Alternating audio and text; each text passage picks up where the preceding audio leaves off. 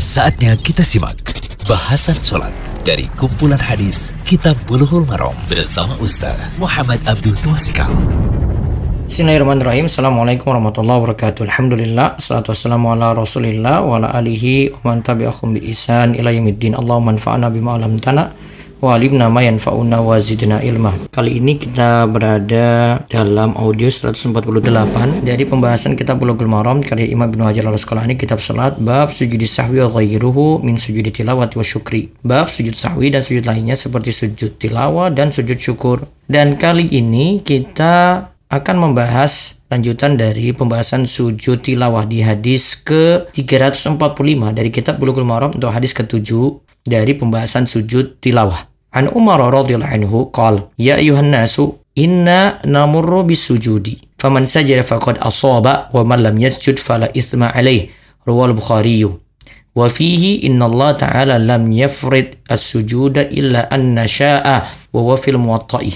Dari Umar ia berkata wahai sekalian manusia kita melewati bacaan ayat-ayat sujud yaitu maksudnya ayat sajadah. Barang siapa sujud maka ia telah mendapat pahala dan barang siapa tidak sujud ya maka ia tidak mendapat dosa. Di sini diriwayatkan oleh Imam Bukhari.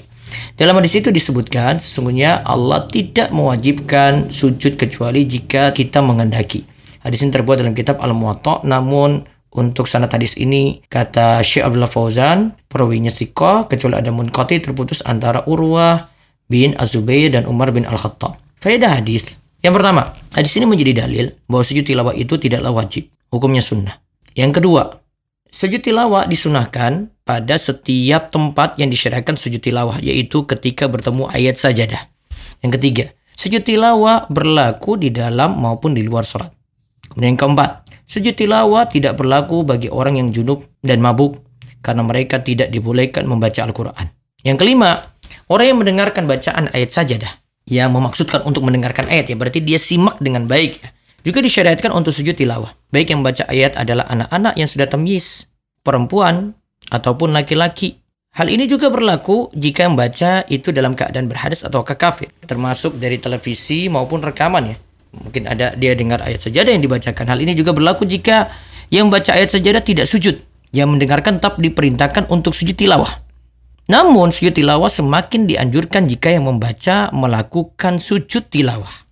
Nah, dicatat ini baik-baik. Terus yang keenam, jika membaca Al-Quran adalah orang yang sedang tidur. Mungkin dia ngigo terus terdengar bacaan Al-Quran ataukah orang yang lupa. Sahin, dia dalam keadaan lupa.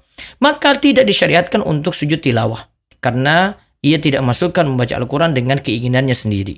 Terus yang ketujuh, tidak disyariatkan sujud tilawah jika yang mendengarkan bacaan ayat sajadah berada di dalam sholat.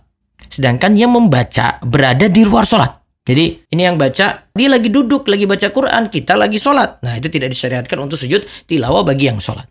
Yang kedelapan, orang yang sholat sendirian, munfarid, disunahkan sujud tilawah ketika membaca ayat sajadah. Karena dia baca untuk dirinya sendiri. Namun orang yang sholat tidaklah disyariatkan sujud tilawah jika yang membaca adalah orang lain yang sedang sholat. Orang lain yang sedang mungkin dia dengar bacaannya, dia sujud tilawah. Nah kita yang sedang sholat di sini ya tidak perlu sujud tilawah karena bacaan orang lain yang sedang sholat.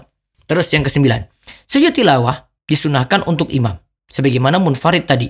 Jika imam melakukan sujud tilawah, hendaklah makmum juga melakukan sujud tilawah.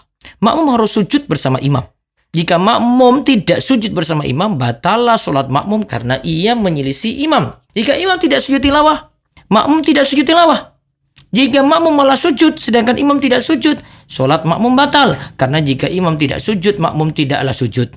Namun disunahkan melakukan sujud tilawah ba'da sholatnya.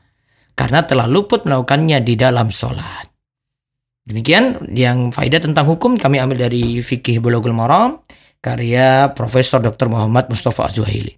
Semoga jadi ilmu yang manfaat. Allah ibarik fi. Demikian bahasan sholat dari kumpulan hadis Kitab Bulughul Maram bersama Ustaz Muhammad Abdul Tuasikal.